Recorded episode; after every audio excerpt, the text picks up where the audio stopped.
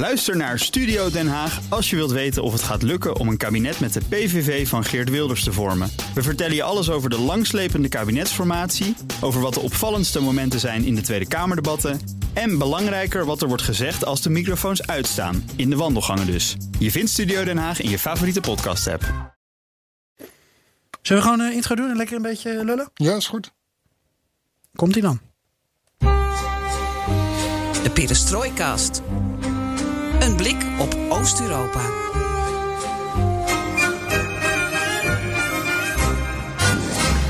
Welkom bij BNR Perestrooikast, aflevering 94 alweer van de enige podcast van Nederland die volledig oog voor het oosten heeft en geeft. Dit keer hebben we een Albanië special voor je. Ja, de verkiezingen daar zijn achter de rug, zoals je in aflevering 93 van ons hebt gehoord. Maar ook deze week is er veel nieuws uit het land dat Adriaan Dendola het ooit zo mooi beschreef. Ja, dat waren nog eens tijden, Geert-Jan. Dat ging over idyllische landschappen. Maar nu hebben we het over een afzettingsprocedure tegen de president. En een onverwachte wending in de toetredingsgesprekken van Albanië met de Europese Unie. Ja, maar we gaan het ook hebben over de, de mooie, uitdagende kant van Albanië. En dat doen we met een bijzondere gast, toparchitect Winnie Maas.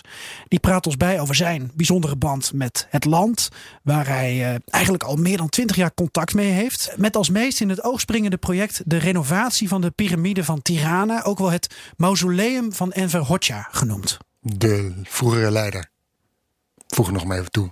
Voor de luisteraars die dat niet weten. Het gebouw staat natuurlijk bol van emotie. Want dat, laat, dat drukt ook uit dat het gekraakt was. En dat mensen dat, dat de jeugd als het ware dat als een soort kampvuur gebruikt. Uh, dat gebouw in eerste instantie. En er is natuurlijk ook een soort zorg van wat we, en een discussie wat we daarmee moeten. En dan zie je dan, ja, hoe ga je daarin beslissen, is dan ook jouw vraag. Want, uh, uh, en die beslissing wordt genomen uiteindelijk door de, door de politiek. Om toch het gebouw te bewaren. En dat als het ware te overwinnen. En, dat, uh, en dat, dat is dan het symbool, denk ik, waar het nu voor staat. En om daar dan een functie aan te geven die ook uh, met die toekomst uh, te maken heeft, met het opbouw ja. van, van dit land. Ja. Dat vind ik echt, dat, dat is opwindend. Um, en over die top van de piramide gesproken, Winnie Maas heeft ook goed contact met de huidige premier, net herkozen Edi Rama. Ja, als het natuurlijk lukt met formeren. Hè? Dus, maar het ziet er goed uit voor, uh, uh, voor meneer Rama. Het kan zo zijn dat we even een koffie gaan pakken, gewoon op een terras. En, of dat we ergens even ontbijten. Dat hangt een beetje van de agenda aan af. En dat ontstaat op in de beste Albanese traditie natuurlijk op de dag zelf. Dat hoor je straks. En we eindigen natuurlijk met een mop van onze Joost. En je weet het inmiddels, alles ten oosten van de rivier de Elbe kan de komende weken, maanden, jaren in deze podcast worden besproken. En wat leuk is, is dat wij heel sociaal en democratisch zijn. Het lijkt wel Albanië. En dat je ideeën kunt inbrengen via Twitter, het Perestrooikast, of mail ons op perestrooikast.bnr.nl. En daar doen we dan nog wat mee ook. Dat zullen we zo gelijk al duidelijk maken. Mm -hmm. Mijn naam is Floris Akkerman. Ik ben Geert-Jan Haan. En dit is BNR Perestrooikast.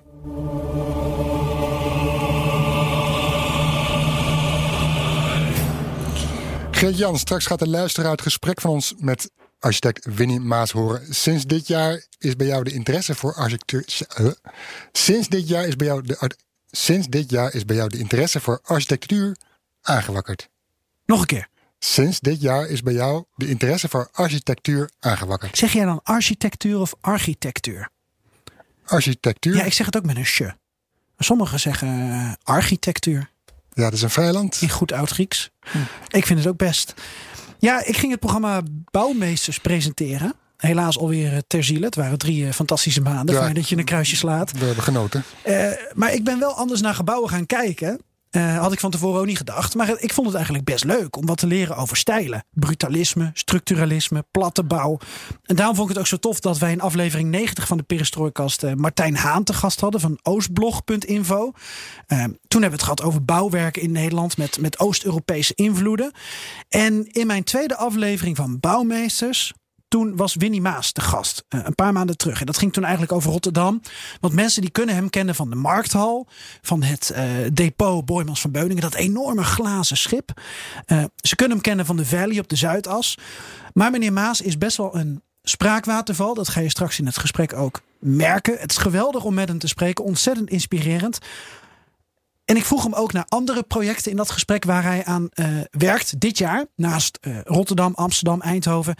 En toen ineens viel het woord uh, Tirana. En wat ik ook heel stoer vind, is, uh, uh, is Tirana, dat is Albanië. Dat is natuurlijk een, een, een discussiestuk in Europa. Uh, met een heel energieke bevolking. Drie miljoen mensen die, aan, die eigenlijk graag de Europese Unie in willen. En daar na een tijd van chaos daar nu met z'n allen aan werken. En, en daar maken we twee dingen die, die dit, dit jaar er komen. Eén is een hoge toren, een woongebouw. De hoogste van uh, van, uh, van Albanië en mogelijkerwijs van de Balkan. Maar die, uh, waarbij alle woningen, die gaan naar binnen en naar buiten. Die, die, die, die schijf wordt een beetje. En dat vormt samen de landkaart van Albanië als een soort advertentie voor zijn eigen, oh ja. zijn eigen land. Ja. En dus dat is zeer opwindend, denk ik, om te zien. Ja, omwille van de tijd kwamen we niet meer aan het tweede gebouw toe. Maar daar hoor je straks meer ik over. Ik zeggen, dat moet wat te raden overblijven. Um, we zagen ook op eerder, eerder op onze Twitter-account dat er veel interesse van onze, luisteraar, onze luisteraars is voor Oost-Europese architectuur. Dus toch mooi dat we Winnie Maas kunnen spreken. Wat we kunnen zeggen, een echt wel internationale ster, verdette, de Mbappé, Messi van de architectuur. Nou, en bekend op de Balkan. Sta je van de kijken? Ja, jouw voetbalkennis. Ik weet nog dat je een keer tot een hutspot zei. Sindsdien neem ik je niet meer serieus. Nee, dat snap ik. Uh, maar geweldig. Uh, dankjewel voor deze aanvulling, Floris.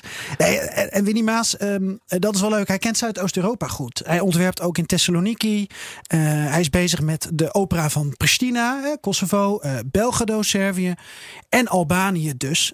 straks meer daarover. Ja, wel een cliffhanger hoor. Dat we nu voor de tweede keer dit onderwerp aankondigen en dan afsluiten met dat straks. Zeg jij cliffhanger? Cliffhanger. Ja, architectuur. Nou ja, en we moeten het ook even over de actualiteit hebben rondom Albanië, Floris, voordat we met het gesprek beginnen, want er speelt nogal wat ineens. Ja, laten we beginnen bij de verkiezingen van eind april, waar we het in de vorige aflevering ook over hadden. Gewoon even een crash course Albanese politiek. Ik schrijf mee. Nou, ik zie niks van pen en papier, maar goed. Eh, de Socialistische Partij van premier Edi Rama won de verkiezingen met een meerderheid van de stemmen. Wel volgens een nieuw kiesstelsel, dat in Albanië nu erg lijkt op het Nederlandse. Maar dat even terzijde. Want Geert-Jan, net als je denkt dat de politieke situatie in Albanië daarmee stabiliseert... Ja, dat denk ik. Komt er een verhaal over een socialistische partij die toch al heel boos is. Dat is duivel zelfs. Waarom?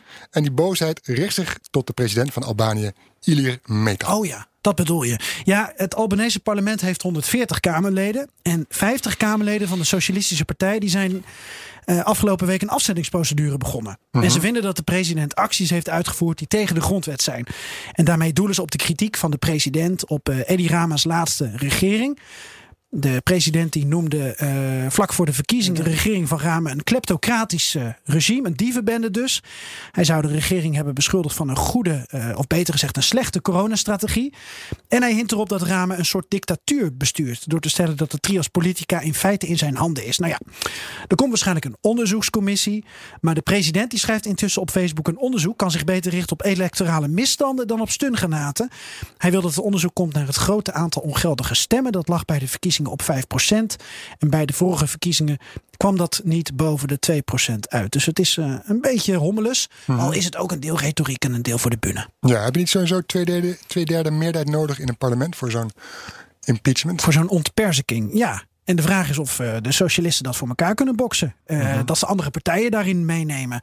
En zelfs dan is het nog aan het constitutionele gerechtshof om hier iets van te vinden. Ja, en het is dus maar de vraag of de positie van de president in het gevaar is. Is. Komt. Komt. Ja. Dat geldt waarschijnlijk zeker niet voor premier Edi Rama.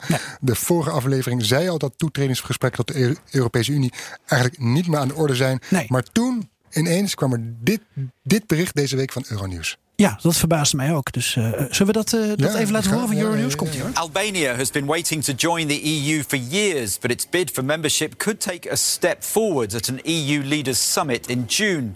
The small Western Balkan country was granted candidate status by the EU in 2014. Four years later, the Commission recommended unconditionally that accession negotiations be opened. But France argued that Albania needed to implement more reforms before membership talks could move forward. Now, Euronews understands that Brussels is ready to accelerate the process. En Euronews sprak ook met voormalige minister van Buitenlandse Zaken Dietmar Bouchatti over de gesprekken die in juni dan weer geopend zouden kunnen worden. Everybody is expecting a clear decision from the council to approve first the negotiating framework which is going to lay the ground for the accession process between Albania and, and the European Union. And also a decision about holding the first intergovernmental conference, which is going to symbolize the official start of the uh, accession journey of Albania. This is certainly a long overdue uh, decision in the case of Albania. As you rightly pointed out, we have been granted candidate status in 2014. Uh, we have uh, been uh, in the waiting room for many years, and now we all expect to start this uh, accession journey, uh, which hopefully is going to have uh, an immense impact on the democratization trend, on the economic development of, of, of the country. And why not? this will send a clear signal also for the entire region. Ja, over twee weken praten we hier over door, Floris. Mhm, mhm. Dan weten we of het bericht van Euronews inderdaad een vervolg krijgt. Uh, in ieder geval uh, bij ons dan. Want we besteden uitgebreid aandacht aan het uitbreidingsbeleid van de Europese Unie. Dat doen we dan met Wouter Zweers van instituut Klingendaal. Met hen uh, zoomen we dan in op uh, Albanië, maar ook op die andere landen uit de regio waar Bouchatti al op hint. Want wat gebeurt er met Noord-Macedonië, met Kosovo, met Servië, Bosnië en Montenegro, die allemaal onderdeel zijn van die mogelijke toetreding tot de Europese Unie, maar ook in verschillende uh, statussen eigenlijk momenteel verkeren. En wat ook nog wel interessant is deze week, is de EU-commissaris van uitbreidingspolitiek. Die is op bezoek in de Balkan. Die is eigenlijk met een soort hele sympathieke uh, tour bezig. Een soort uh, vaccindiplomatie. Want die deelt allerlei vaccins namens Brussel uit op de Balkan. We hadden natuurlijk een paar weken geleden dat de hele Balkan naar Belgrado afreisde. Voor een uh, shotje Sputnik of Sinopharm, Sinovac. En nu uh, komt uh, Brussel daar uh, vaccins okay. brengen. dat doet de Hongaarse eurocommissaris met altijd de moeilijke naam Oliver Varhel. Je schrijft ja. Varelli, maar ik heb het via Google Translate geprobeerd. En volgens mij zeg je Varel. Nou, moeilijke namen laat ik aan jou over. Nou, de EU-commissaris die erover gaat. Ja. Ja. De, we hadden het net over een paar Twitter-vragen. Die, Moeten we nog even zeggen dat we zo met Winnie Maas gaan praten als cliffhanger? De, dus is dat niet al duidelijk? Oké. Okay. Oké. Okay. Twittervragen? Een paar Twittervragen. Eentje ja? komt uh, tijdens het gesprek met Winnie uh, Maas langs. Dat is de Twittervraag van Ralf van Wolfenaar. Dus Ralf, stay tuned zou ik zeggen. Mm. De andere Twittervraag komt van Martijn. die heeft er meerdere. En ja, jij bent eigenlijk de, de persoon, persoon hier in deze studio. Waarom? Jan, om die te beantwoorden. Ja, omdat uh, Winnie uh, hebben we uh, van afstand tot ons. Ja, je. En, ja oké, precies. Ja. En, ja. en je bedoelt, omdat, omdat, ik in Albanië ben geweest, ben ik daarmee de Albanië-expert Albanië van, de van, van, van de perestrojkast. Ja, nou, vertel. Precies. Waarmee kan ik van de vraag van Martijn. Is het een land waar je op vakantie naartoe kan gaan? Ja. Avontuur of gespreid bedje of er iets tussenin? Ertussenin, ja. Uh, ik denk dat je, uh, als je snel wagenziek bent. Want je, je hebt een reportage geschreven, reisreportage ja, geschreven ja, over ik, Albanië. Ik ben er uh, in 2015 uitgebreid geweest. heb het hele land doorkruist, of, of, een groot deel van het land. fantastisch, een avontuur. Heel mooi. je kan een goed vakantie vieren, want je hebt er alles. Hè. Je hebt er bergen, je hebt er geweldige stranden. je hebt er cultuur, je hebt er steden, historie. al die bunkers. Um, dus ja, je kan je daar goed van maken. Uh, tegelijkertijd is het een avontuur, omdat uh, nou, de infrastructuur gaat wel beter, ook dankzij Europees geld, maar is nog niet je van het. Dus als je ergens wil komen, uh, en je wil natuurlijk soms ook van die gebaande paden af, -hmm. ja, dan kost het wat meer moeite dan, dan als je naar Zandvoort gaat, waar je je auto op de parkeerplaats neerzet en daar tussen de, nou, ik moet wel zeggen, vreselijke architectuur. Um, uh, Brutalisme is dat gewoon hoor, Zandvoort. Dat je daar het strand op gaat. Nee, maar je snapt wat ik bedoel. Het is, het, ja. is, het is, iets meer een avontuur dan je gewend bent. Uh -huh. um, maar het is uh, een gasvrij land. Uh, je hebt prachtige natuur. Kan er geweldig wandelen. Um, Alleen het is wat rauwer. Het is ja. wat ongepolijster en soms wat moeilijker vindbaar. Maar ook anno 2021 is je, je telefoon je vriend. Hè, en kan je echt een heleboel dingen al wandelend of rijdend opzoeken. Gelukkig, gelukkig de telefoon.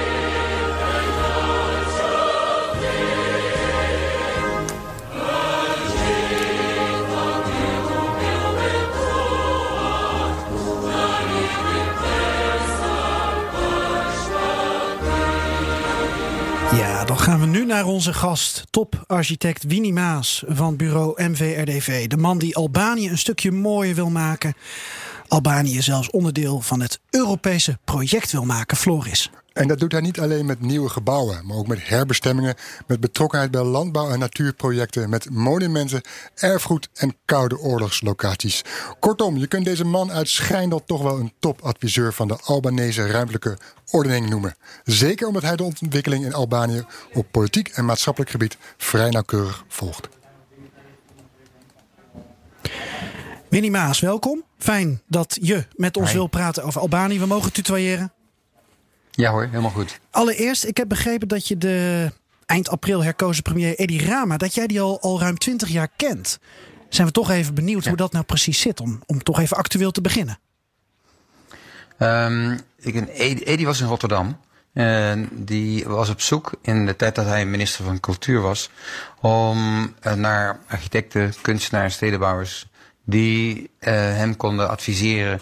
en die, eh, die konden bijdragen aan, eh, aan de educatie eigenlijk ook van de, van de cultuursector in, in Albanië. Hij kwam bij het Berlage Instituut, die gaf daar les. Ik herinner me nog, we, hebben in een Japans restaurant samen gegeten met een pluk. En het, op een of andere manier klikte het. Want ik trof in hem een, een, een enorm jeugdige elan. En ook een soort verlangen om krachtig te zijn. Maar met een, ook met een lichte ironie.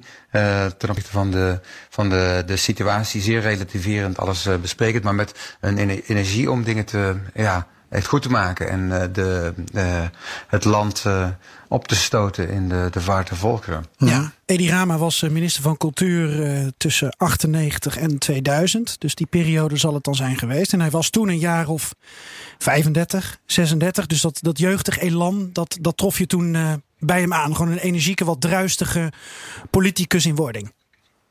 Eh, klopt, echt een beginnend. Hè, want hij kwam natuurlijk uit een kunstachtergrond. Hè, en eh, gestudeerd in Parijs. En, en maar enorm betrokken met, ja, met het, het, het, ja, het, gebruiken van cultuur om, om dat land in wording te, te vorm te geven. En eigenlijk uit de chaos te trekken die er net voor nog, die er nog was. En ja, de, hij trof in mij denk ik ook iemand aan die, die, ehm, die niet alleen gebouwen eh, wil maken, maar die dus ook een context eh, wil geven en eh, de context wil snappen. En dat eh, strekt dan ook uit, denk ik, dan, eh, de, dan alleen maar het letterlijk maken van een gebouw, maar in een soort houding ten opzichte van, een, van ontwikkeling. En dat uit, uit de chaos trekken, wat, dat je, wat je zo even zei door de heer Rama. eh, is dat ook zijn, zijn verdienste eh, voor Albanië? En is hij daarin ook geslaagd?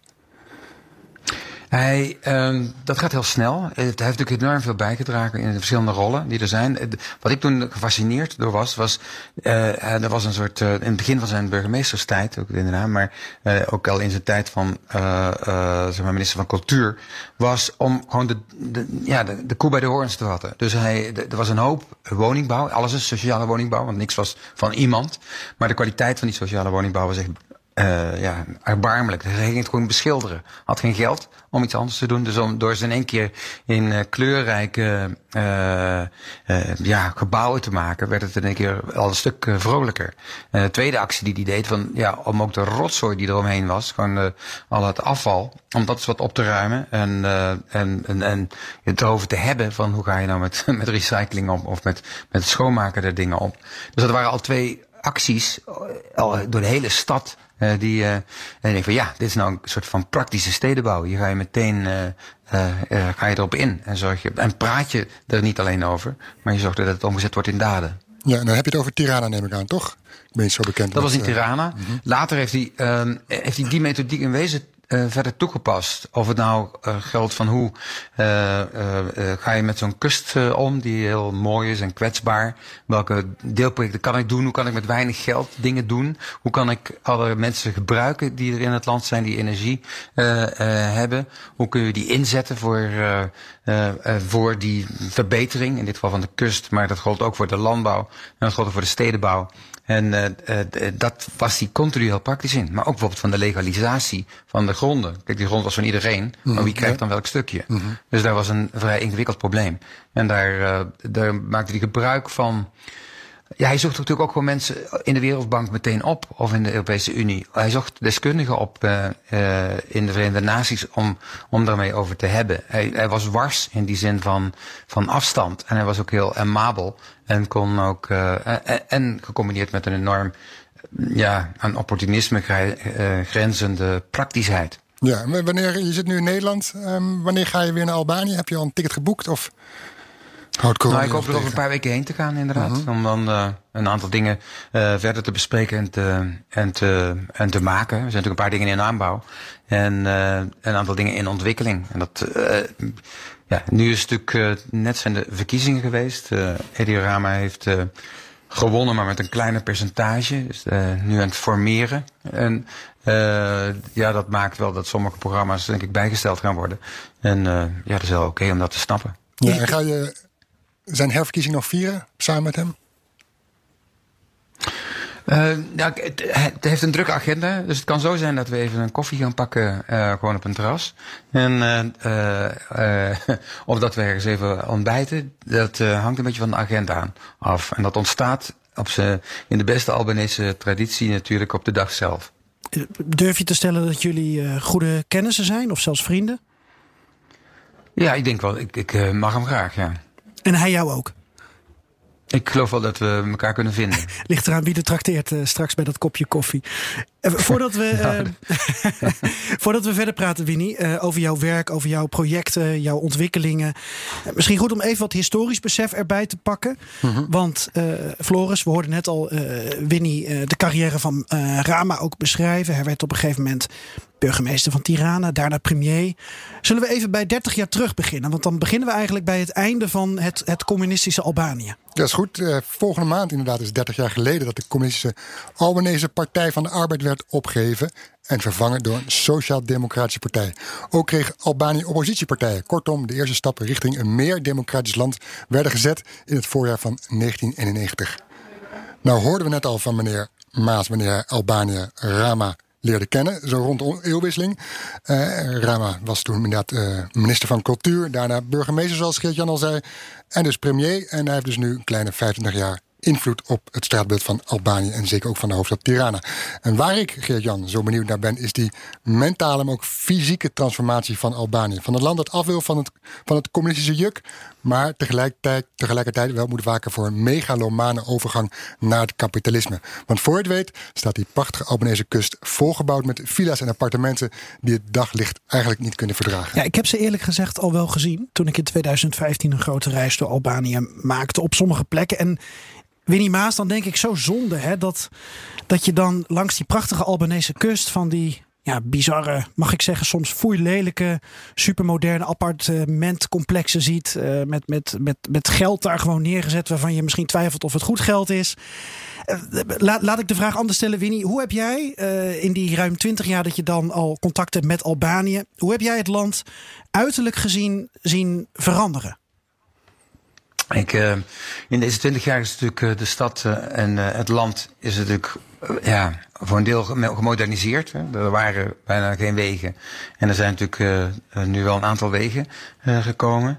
Het land is ook meteen door al het individualisme wat er ook heerst, uh, ook uh, zijn mensen gewoon meteen gesprongen op de kansen die dat land uh, biedt, in positieve en in negatieve zin. Je ziet inderdaad die kust vol gesmeerd worden met met name individuele bouwsels overigens. En er is natuurlijk een, een, een, een verlangen ook om, om het land beter te maken, om er wat geld aan te verdienen, naar economie te maken, want daar komt het eigenlijk om neer. Er was eigenlijk geen duidelijk economisch model.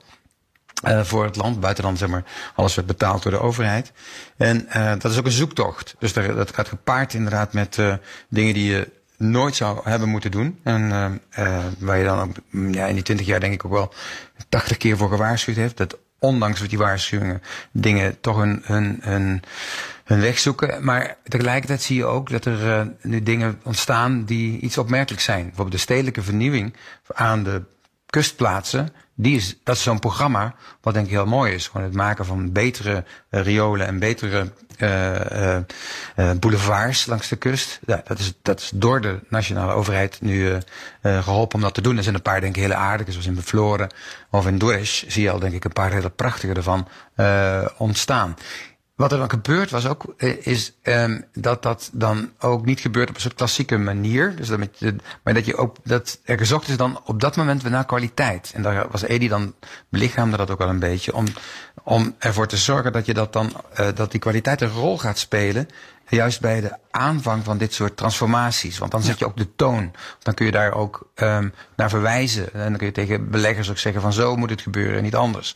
En daar, uh, daar, daar, daar zie je nu fragmenten van ook uh, ontstaan ja. in, die, uh, in het land. Al maar meen ja, ik, het gaat uh, heel hard. De eerste keer kwam was er ook nog geen vliegveld bij ze spreken. Nee, ja. En maar één stoplicht. Hoe, hoe ben je daar dan gekomen? Als je zegt de eerste keer dat ik daar was met de auto.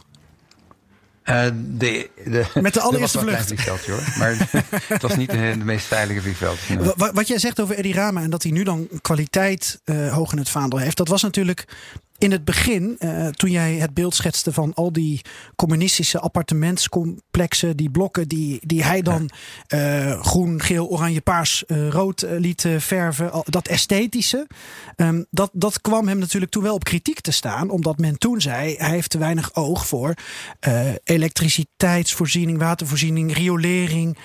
Die handschoen heeft hij dus wel opgepakt. Um, maar in het begin werd er gezegd... hij is vooral als een kunstschilder die stad mooier aan het maken. En niet zozeer met het grondige en de kwaliteit waar jij het over hebt. Ik denk dat het heel goed is dat het hand in hand gaat. En, uh, en uh, het land heeft natuurlijk een hele beperkte economie. Dat is nu ietsje beter. Maar twintig jaar geleden was het, uh, het bruto nationaal product het laagste van Europa. En misschien ook nog wel ver daarbuiten. En uh, geld uitgeven aan elektriciteit was bijna al niet mogelijk. Dus het was geld sparen, uh, geld bij elkaar komen door leningen, door fondsen, door, uh, door bijdragen ook uit het buitenland.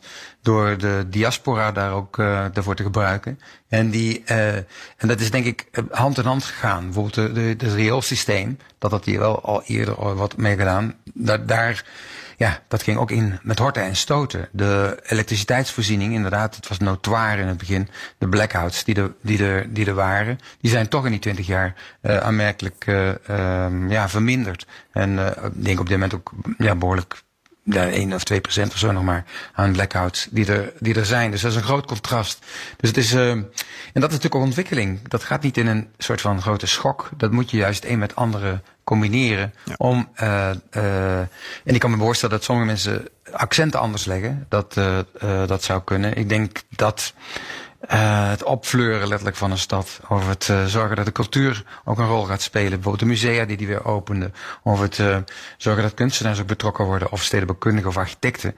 Dat dat dan wel maakt dat je het, probeert op een goede manier te doen. Kijk, zo'n plein nu in het hart van de stad. Zo'n Skanderbij Square. Wat sinds 2,5 jaar er is. Ja, dat is ongelooflijk mooi. En dat is ook gedaan op een niveau ja, daar kunnen wij wat van leren. Dat is mooier dan de Dam, roep ik ja. het altijd. Is, is, dus, is, dus daar is, um, zonder dat het extravagant veel geld heeft gekost. Dus daar was een, een, een uh, ja, ik denk dat het, dat het heel goed is dat het samen gaat. Ja, als, als we kijken naar die transformatie van Rama, daar hoort, horen ook jouw projecten bij. Is er, is er draagvlak voor, hè? dat al die dictatuur en communistische elementen langzaamaan verdwijnen en daarvoor een ander straatbeeld of een ander beeld van het land uh, in de plaats komt? Um, wat ik zie, en ik denk dat ook de stemverhoudingen ook dat laten zien over is, is dat, de, dat er enorm belangstelling is aan modernisering van het land. Dat, dat, dat de energie bij heel veel mensen zit van, goh, ik wil gewoon een beter bedrijf hebben. Ik wil iets wat, waardoor ik een, een bedrijf kan maken. Waarvan, met name ook in de landbouw, maar ook in de IT-sector. Ik wil, wil, ik wil de wereld bijbenen. Dat is, uh, en dat leidt tot, uh, tot nieuwe investeringen en tot nieuwe, uh, en tot ook een ander beeld van, van dat land. Ja, er zijn geen ezeltjes meer op de weg. Uh, er zijn uh, de, de, de wat gammele, maar ook soms prachtige huisjes. Die worden dan aangevuld met nieuwe bebouwing. En dan kom je daar natuurlijk ook wel weer vraagstukken tegen van hoe wil je dat doen? En, en ik bespeur een enorme energie in het land om erover te praten. Dat is een tweede onderwerp wat ik denk ook heel erg aardig vind. Dit heeft een van de grootste hoeveelheid media, hè, de, denk ik, ter wereld. Een beetje vergelijkbaar met, met China of tai, Taiwan, hè, maar Azië. Waarbij je ook zoveel radiozenders, zoveel uh, tv-zenders en zoveel uh, kranten, krantjes. Uh, dus er kan niets kun je doen of je bent omringd door, door heel veel van, van dat soort mensen. Dat vind ik ook een teken van, van belangstelling. En, en, en, en laat ook zien dat er over gesproken wordt.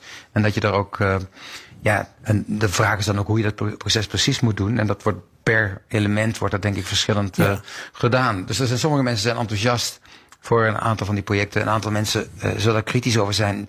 Ik denk ook dat het land politiek gezien natuurlijk. Uh, dat, heeft, dat zou snel extremere kantjes kunnen hebben, omdat je vanuit het communisme komt en ook een aantal ja, partijen die heel erg uh, daarvoor ook, uh, of daar belangen ook bij hadden. En dan kan het snel zijn dat het als een soort pendule uh, de andere kant op slaat. Ik vind dat het gezocht wordt naar een, uh, naar een heel middenmodel. En met hopelijk ook meer partijen in de nabije toekomst. Maar ik ben geen politicoloog. Dus ik, maar ik zie dat wel gebeuren. Dat, daar, ja. dat, dat, ja, dat dat dualisme, dat het omgezet moet worden naar een, een multiparty programma. Dat, dat kost ook wat tijd. Maar Winnie, je zegt al, je bent geen politicoloog. Maar wij bespeuren bij jou een enorme energie. Een enorme interesse in dat kleine stukje Europa, dat kleine landje. En jij bent een groot architect. Je bent internationaal vermaard. Je werkt op zoveel plekken. Binnenkort komt een documentaire van jou op de Nederlandse tv. Waarom heeft Winnie Maas dan zo'n zwak voor Albanië? Um, in het algemeen ben ik wel ben ik gewoon stedenbouwer, zou je kunnen zeggen, of landschap-architect. Dus je probeert iets breder te zien in het gebouw. En daarmee ben je ook een onderdeel van de maatschappij. En, uh, en politiek hoort daarbij. Polis zegt het al, het woord politiek is polis, maken van een stad.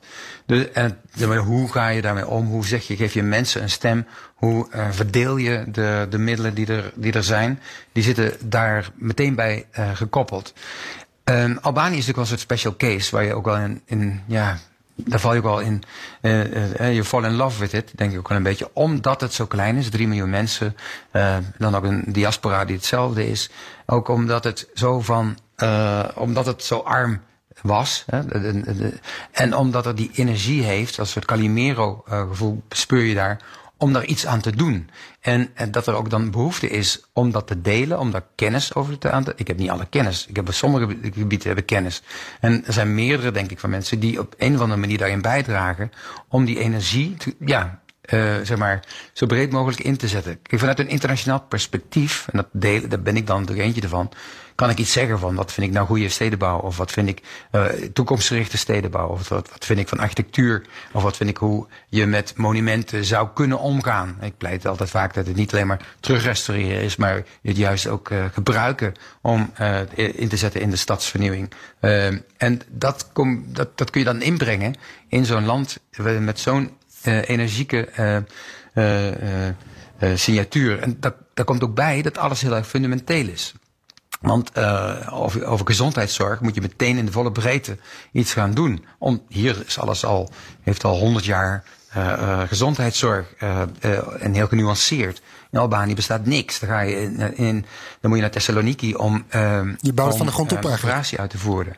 Dus er is, hoe ga je dan om, om toch zeg maar, medische cellen te maken in die stedenbouw? Hoe ga je om met onderwijs? Het onderwijsprogramma vind ik fascinerend om lagere scholen. Die, alleen al het idee dat je een lagere school bouwt, maar die moeten wel uh, die moeten goed uitzien. Dat moet gewoon uh, vrolijke architectuur zijn. Moet, moet iets zeggen, die architectuur. Die moet dan ook, uh, die moet heel verschillend zijn. Je zit niet in, in uh, de, elke plek heeft zo zijn eigen manier om een school te maken. Dus, en laat dat dan ook zien. Kijk, dat vind ik een prachtig programma. Dat kun je al bijna niet meer in Nederland doen. Dus dat is, dat is ook, dat is niet alleen en zeg maar, daar kan ik mijn kennis in zetten, maar dan kan ik ook nog, uh, uh, daar zie ik ook dat het dat bediscussieerd wordt. Dus je kunt, en die wordt ook overgenomen. Winnie, en ook, Winnie, als, je als kunt je ook ambtenaren dan ook een beetje in helpen. Dus dat zijn de fascinerende kanten. Als ik je mag En, onderbreken. ja, ik- ja. Uh, um, je, je stipte net al de rol van de politiek aan. Uh, en je bent goede maatjes met Rama, minister van Cultuur geweest en nu premier. Hoe gaat het als je een opdracht binnensleept? Regel je dat met één telefoontje met Rama? Is het dan gefixt of, of gaat er nog een hele competitie aan vooraf? Nee hoor. Ik denk dat de eerste um, opdracht was voor een winkelcentrum in uh, het centrum van de stad. En daar is een competitie voor uitge... Uh, um, er is een jury gevormd, daar zat ik niet in. Uh, maar bijvoorbeeld Xavier de Geiter en een internationale jury. Hij was op zoek naar meerdere deskundigen, dat is duidelijk. En dan organiseer je in dat geval een jury die gecombineerd is van buitenlandse experts en, en, ja, en binnenlandse uh, experts en klanten. Die, die kiezen vervolgens dan uit. Uh, dat gaat dan in twee rondes. Je moet eerst de portfolio inleveren, daar wordt uit gekozen. Er worden ja, tien uit, of vijf uitgekozen, afhankelijk van. Dus het een beetje hetzelfde als in Nederland. En vervolgens maak je, uh, maken die vijf of die tien, die maken een, een schetsontwerp en daar wordt van vervolgens uitgekozen. En dat wordt door die jury wordt dat aangereikt. Mm -hmm. en, en, als we nog even de, eh, als we even de olifant in de kamer noemen, zeg je helaas Albanië, dan zeg je helaas ook corruptie. Ja, zo werkt het in onze regio ook. Um, uh, hoe koosje ga jij te werk daar? Hoe, hoe vind je daar in je weg? Of moet je meedoen?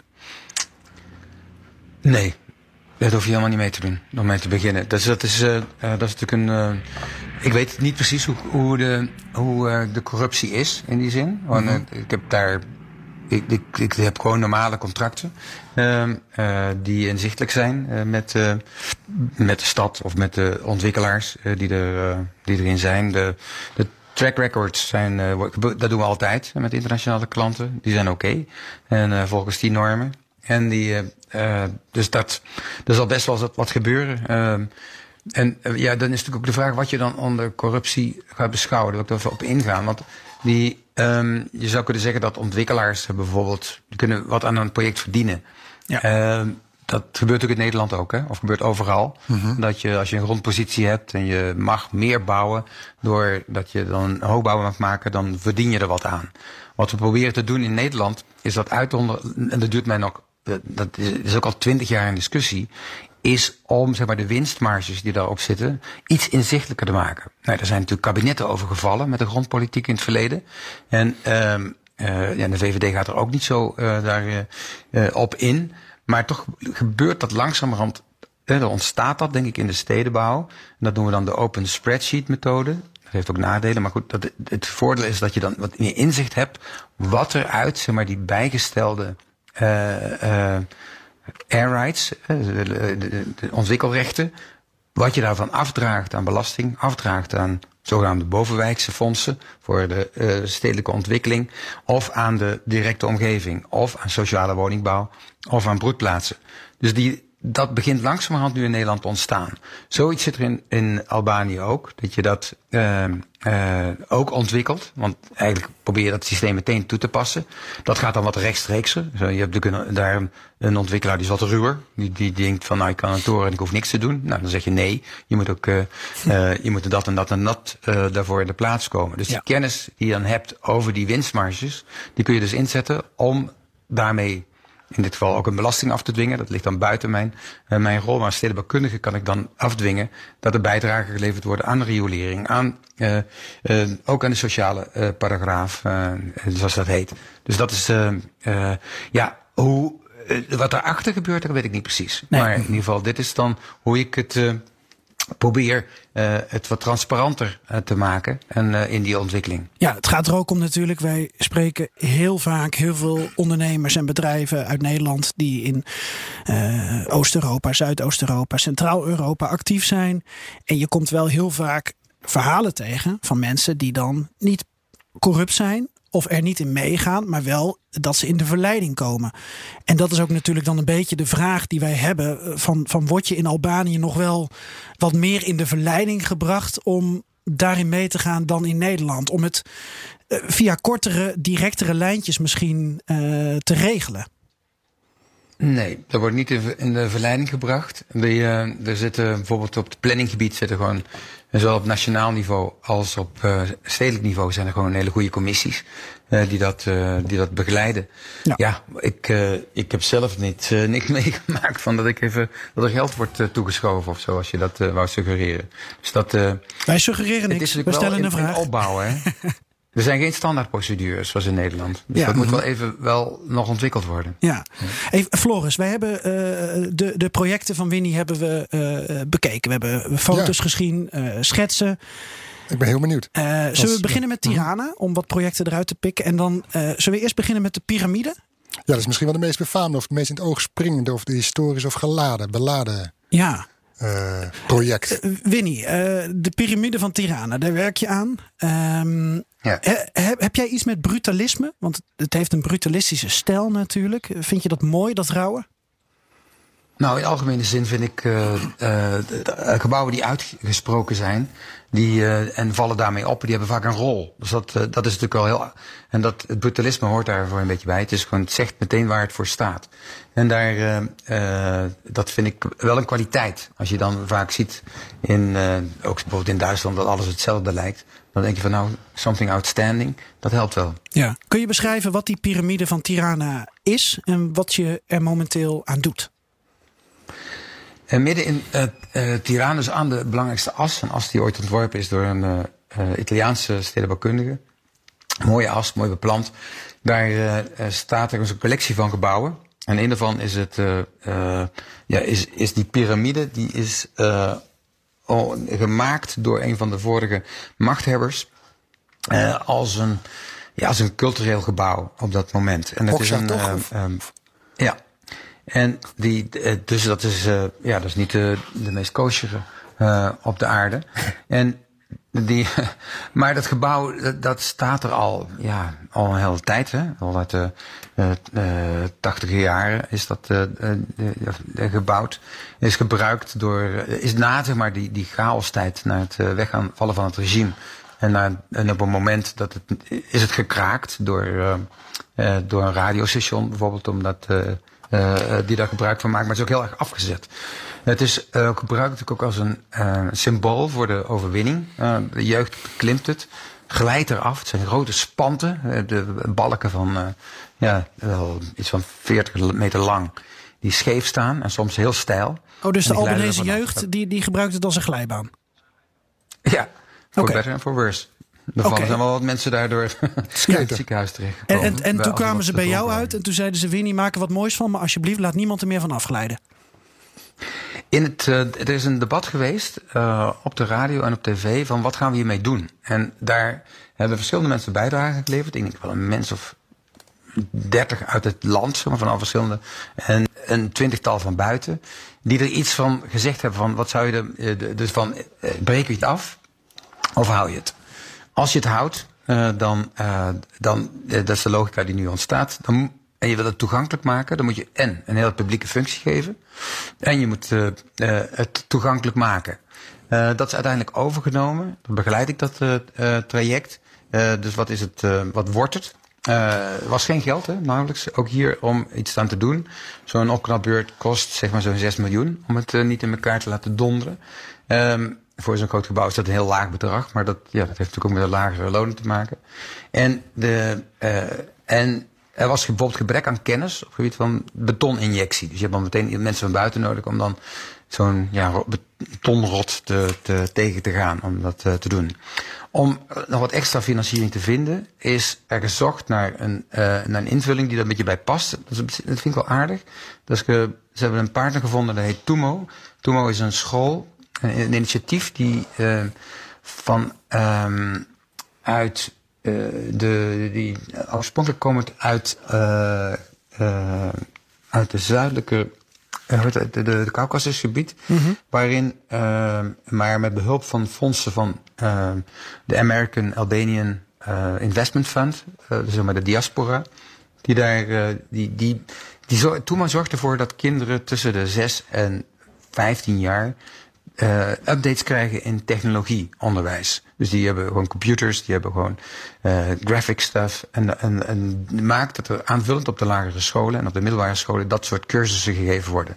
Dat doen ze in Jerevan, dat doen ze in Parijs op dit moment en dus op, over heel veel plekken in de wereld. En uh, die werden gevonden als partner, samen met die Albanian Fund, om dat te doen. Dus dan komt er, zeg maar, we komen in, dat het gebouw wordt eigenlijk gewoon een openluchtgebouw. Het wordt gewoon park. Je kunt uh, de, de, de spanten worden. Dan kun je opgaan. Er komen trappen op bij de, bij de grootste deel van die, eh, van die spanten. Uh, uh, dan kun je, kan iedereen naar de top komen. Er komt een lift ook naar de top toe. Zodat ook uh, de ouderen daar, daar op kunnen komen. en in die, ja, die ruimtes die, die er zijn, die worden helemaal schoongemaakt. Daar gaat de school, klas, klassen kunnen daar komen voor uh, dat onderwijs. Ja. Dus daarmee geeft hij met name een beeld voor de toekomst. En de rest is gewoon open en openbaar toegankelijk. Om het klimaat toch een beetje nog te regelen, komen tussen de spanten komt er wel glas, een soort grote garagedeuren, waardoor het zich in de winter kan sluiten tegen de kou of tegen de, tegen de regen, maar verder gewoon open staat. Ja, maar Winnie, dat, dat, dat gebouw, de piramidevormig gebouw van Tirana, dat is dan eind jaren tachtig uh, ontworpen, geloof ik zelfs, door de, door de dochter en schoonzoon van, van Enver Hoxha, de voormalige uh, dictator. Nog, uh, mee bemoeid, ja. Ja, toen werd er eerst spottend gezegd: dit is een, een soort mausoleum voor hem, een soort museum. toen later, eind jaren negentig, werd het gebouw zelfs nog in de Kosovo-oorlog gebruikt. door de NAVO, geloof ik, door enkele hulporganisaties.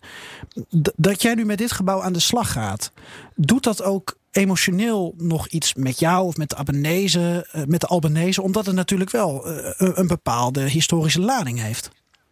Nee, dus het gebouw staat natuurlijk bol van emotie. Want dat, laat, dat drukt ook al uit dat het gekraakt was. En dat mensen, dat, dat de jeugd als het ware, dat als een soort kampvuur gebruikt, uh, dat gebouw in eerste instantie. En er is natuurlijk ook een soort zorg van wat we, en een discussie wat we daarmee moeten. En dan zie je dan, ja, hoe ga je daarin beslissen, is dan ook jouw vraag. Want, en die beslissing wordt genomen uiteindelijk door de, door de politiek om toch het gebouw te bewaren en dat als het ware te overwinnen. En, dat, uh, en dat, dat is het dan het symbool, denk ik, waar het nu voor staat. En om daar dan een functie aan te geven die ook uh, met die toekomst uh, te maken heeft, met het opbouw ja. van, van dit land. En ja. dat vind ik echt, dat, dat is opwindend. En dat dat zo rechtstreeks gaat, dat vind ik denk ik ook heel goed. Ook in de debatten die je daarvoor zijn, ook in het radiostation. Ja. ja, herbestemming, dat is heel mooi. Floris, wie nou ja, dat, dat, sommige culturen hebben dat niet gewenst. Dus die uh, breken zoiets af. Hier ja. is uh, bewust deze keuze gedaan om juist die fragmenten van die geschiedenis te tonen. En dat gebeurt ook denk ik in het Nationaal Museum en het Kunstmuseum, waar je dat ook ziet hoe die schilderijen uit zo'n Hosja-tijd of daarvoor, wat dat bijdraagt aan die typische, typischheid van, van Albanië. Want daar is het ook wel anders. En ik heb er ook wel een pleidooi voor dat je die geschiedenis ook laat, laat zien. Want het is anders dan Frankrijk of dan, dan Nederland dat is ook een mooi onderdeel van Europa. En Europa voor mij is het, het, ja, dat is toch een soort, uh, eigenlijk een soort mini-Balkan of een uitvergrote Balkan van verschillende landen die met elkaar willen samenwerken. En juist in deze tijd is het zo, zo ongelooflijk van belang dat Europa juist die puzzel uh, um, nog meer verdiept en, uh, en, en uitbouwt tot een goede vorm van samenwerking. En daar hoort het verschil bij. Dat klinkt paradoxaal, maar het feit dat je uh, dat dat, dat, vind ik, denk, dat vinden wij allemaal denk ik wel een beetje. Het mooie is dat er meerdere talen zijn. Dan word je ook uh, geïnspireerd. Mooi dat er ook Italië een beetje anders naar ruimtelijke ontwikkeling aankijkt dan Nederland. Ja. Dat, uh, daardoor krijg je zin om heen te gaan. En mooi dat we ook verschillende producten maken. Als zodat kijken, je ook uh, een beetje handel bedrijft. Als we kijken naar de andere, andere projecten van jou ten noorden van Tirana, dan werk je ook nog aan een betere versie van de Floriade in Al Almere. Wat is dat, dat moeilijk? In? Hij is best wel mooi, in de Floriade. Maar... Als je, je moet volgens mij geen, niet, uh, als je maar niet uh, Roy Suis boekt, toch? Dat is het grote probleem daar. Ongelooflijk. Nou, ik, ik ben daar wel eens geweest, want mijn vrouw die werkt er in het ziekenhuis daarnaast. Dat weerwater. Ja, er is allerlei ontwikkeling. Je krijgt weer een kabelbaantje hier, maar elke week sla je de krant open en dan denk je van wat gaat er nu weer anders dan is inbegroot. um, maar ik weet niet, Floris, of je daarop doet als je het hebt over een betere versie nee, van de Floriade. Ik bedoel op de schoonheid van het project en natuurlijk het uh, fantastische architectuur. Floris is, uh, die heeft wat dubbele kanten. Maar die, nee, dat is uh, op zich heel leuk. We gaan dit niet hebben over de, over de Floriade in Almere hier in dit programma. Dat lijkt me een andere keer uit, want daar is een aparte Netflix-serie van te schrijven. Oké. Okay. Dus daar, waar ik graag aan wil werken. Maar die, want dat is een, dat heeft inderdaad. Uh, uh, maar wacht. Eigenlijk is Albanië ook wel een Netflix-serie waard. Hè? Zoals, Zeker. Zoals geloof ik graag. Een prachtige serie van Turkije over Beer. dit, ik denk dat dat. want daarmee. Ik vind het mooie van een Netflix-serie. Maar, je, maar even naar die Floriade hoor. Daar wil ik toch wel graag over weten in Tirana. Hoe zit het nou? wat, wat staat er? er staat nog niks. Het is een, het is, een initiatief van, van de, het ministerie van, van Landbouw om een aantal proefvelden te hebben op het gebied van nieuwe landbouw. Dat werken ze samen met de Landbouwuniversiteit van Wageningen, toch de beste een beetje in, in Europa. En um, om te zorgen dat er, ja, bijvoorbeeld dat er, als we nieuwe druivenrassen, want dat is natuurlijk uh, kunnen maken, hoe ga je die kennis uh, combineren, hoe ga je die uittesten, uh, hoe ga je nieuwe groenten met rassen ook verder te ontwikkelen daarin. Nou, de bedoeling is om er een campus van te maken waarin de universiteit deelneemt en waarin ook buitenlandse partijen deelnemen en er ook in te gaan wonen. Dus je, je combineert het een met het ander. En wat we doen is dat stadsdeel, daar worden zeg maar van A tot Z worden al die gewassen worden geplant. En uh, als er een gebouw komt, dan duwt het even zo'n gewas naar boven. Dat betekent dat het dak en de gevels bekleed worden, of met balkons, ook gebruikt worden voor die testvelden. En voor, die, voor dat arboretum aan, aan, uh, aan uh, planten. Um, wat, dat, dat doe ik ook een beetje in de Floriade in Almere. Um, maar wat het verschil gaat worden is dat, dat in Albanië ook de gevel aan het dak gebruikt gaat worden. Dus dat is net een slagje um, beter zou je kunnen zeggen dan Kijk, de Floriade. Kunnen ze Almere nog een puntje aan zuigen? Dat zeggen. en Winnie, om Dus, de- nee, maar dat is toch ja. grappig. Je kunt, we hebben een debat van wat, wat eh, is een land dat uit een soort armoede komt. Kun je ook dingetjes beter doen? En dat is, denk ik- zeker. Dit is denk ik een aardig voorbeeld. Ja. Ja. Even kort, je hebt een aantal andere projecten nog in Tirana. Eh, Downtown One, eh, dat is fantastisch. Eh Skanderbeu Square, het plein vernoemd naar de, de nationale held van Albanië. Maar we willen toch ook nog even, als het mag, met jou over die kustlijn hebben. Want daar begonnen we ook mee. Dat de, Floris en ik reizen veel. We komen aan de Zwarte Zee, we komen aan de Adriatische Zee. En Ja. dan zien we dat in eh, de Oost-Europese, Zuidoost-Europese landen men toch soms een handje ervan heeft om ja, niet echt na te denken over wat er aan de kust wordt gebouwd als het maar een pronkstuk is. Hoe probeer jij daar in Albanië eh, iets van, van bewustzijn in te creëren, iets van een andere mindset in te kweken, dat men ja, eh, verantwoordelijk met die prachtige kustlijn ook omgaat? Ja, de, even voor de, eh, voor de helderheid. Hè, dat, eh, het kustproject wordt geleid door het eh, minister van Toerisme en, zijn ministerie. Daar zitten een aantal, in die twintig jaar zijn een aantal dingen op gang gezet. Daarvoor één is zeg maar de, de stadsharten van de kustplaatsen. Om daar, eh, dat heb ik net al beschreven, zeg maar, de boulevards zeg maar, te maken. Tweede is, zijn de nationale parken die uit te vergroten. En uh, dat gaat in eerste instantie zonder geld, dus dat is alleen maar juridisch. Dus iedereen die er iets gaat bouwen, die bouwt iets voor de hele korte tijdelijkheid. Eh, De, de, de wetgeving is denk ik uh, daar heel op. Da, daar worden dus ook proefcasussen gedaan, gewoon met de, door de rechtbank, van uh, hoe hou je dingen tegen, om uh, in zo'n beschermde zone te acteren, want dat was tot, ja, voor tien jaar was dat niet.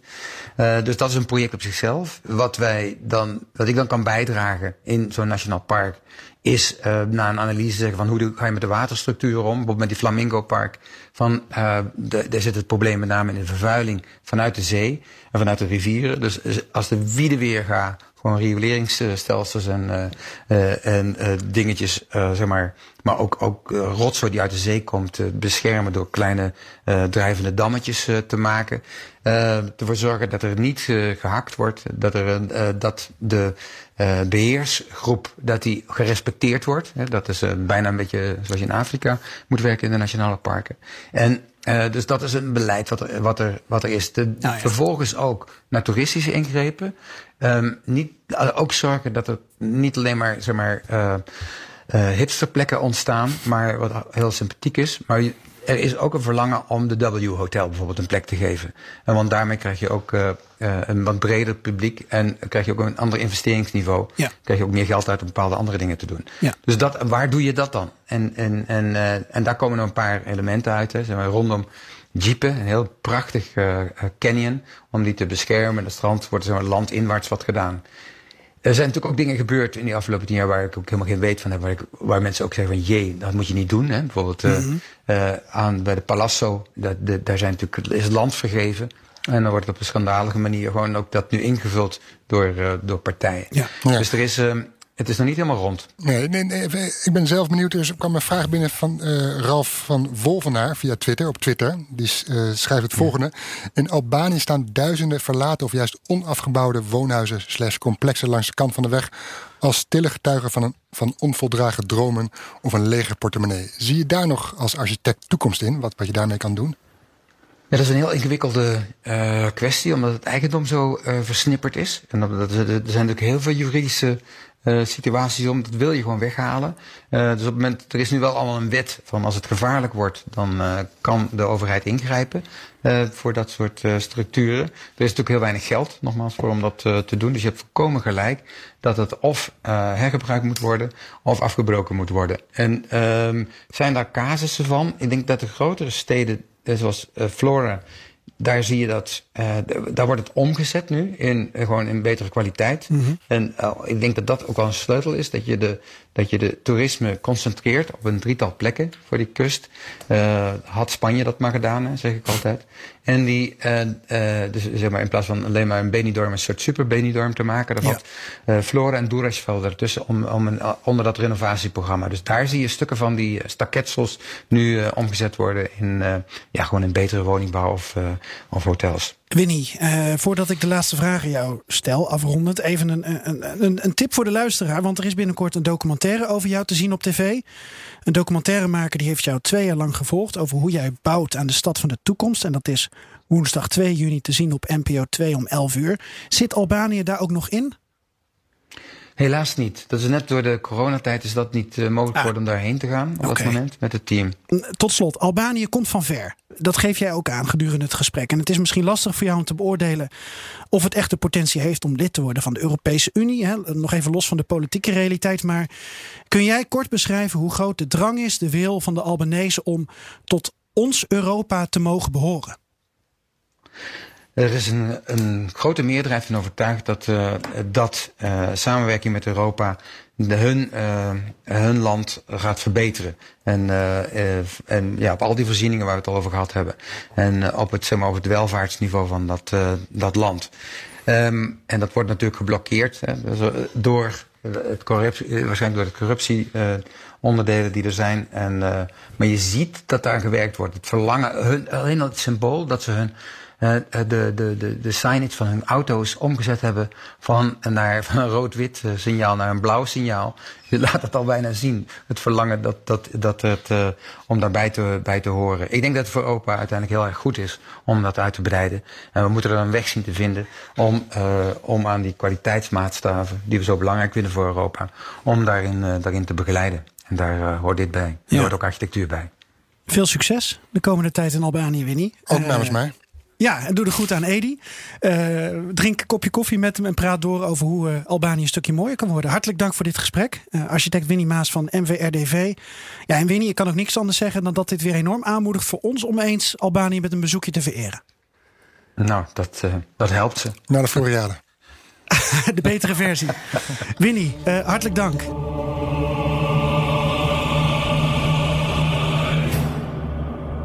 Nou, dat was Winnie Maas. Mm Meer druk nu met andere zaken. Maar binnenkort dus te zien op het eh, terras in Tirana met ja. uh, Edi Rama. Zeg, zullen we even heel rauw en ongepolijst, zoals altijd, dan een, een bruggetje maken naar de mop van Joost? Ja, kom er maar in, Joost. Hij moet iets Albanese hebben, toch? Albanië was in het voormalige Oostblok toch een van de landen waar de dictatuur uh, het sterkst was. Um, even ter inleiding. Enver Hoxha, de, de voormalige secretaris-generaal van de Communistische Partij van Albanië. Die zei ooit in een nieuwjaarstoespraak in 1967: Mensen, het komende jaar wordt slechter dan het vorige jaar. Maar als goede boodschap had hij dat het jaar beter zou worden, het komende jaar beter zou worden dan het jaar dat daarop zou volgen. Met andere woorden, het zou eigenlijk alleen maar bergafwaarts gaan. Wel nu, Enver Hoxha loopt met een van uh, de kameraden van de communistische partij, laten we zeggen, de minister. Uh, maakt hij een ommetje en die minister is in een wat filosofische bui. Hij, zegt, uh, hij vraagt aan Oja, kamer, kameraad secretaris-generaal, hoe zit het nu? Hebben we het uh, ultieme socialisme bereikt? Hebben we hè, het communisme tot het uiterste uitgebouwd? Waarop Anjar en Verhoja hem aankijkt en zegt, ben jij besodemieterd? Het wordt nog veel beroerder. Ja. Ja, dat was weer een mop van Joost. Ik denk dat ik er uh, iets beter grip op had. Maar ik durf gewoon niet meer te lachen ook. Want dan wordt het toch niet meer serieus genomen. Of, het, of ik hem nou begreep of niet. Toch? Als jij niet weet wat je moet zeggen, dan hou je altijd je mond. Dat valt mij ook op, Floris. Ja, ik ben met stomheid geslagen door deze mop. Ajeto. Pakka. Ook Harm Edens vind je in de BNR-app. Je kunt BNR Duurzaam niet alleen live luisteren in de app, maar ook terugluisteren als podcast, zoals al onze podcasts. En naast dat de BNR-app Breaking News meldt, houden we je ook op de hoogte van het laatste zakelijke nieuws. Download nu de gratis BNR-app en blijf scherp.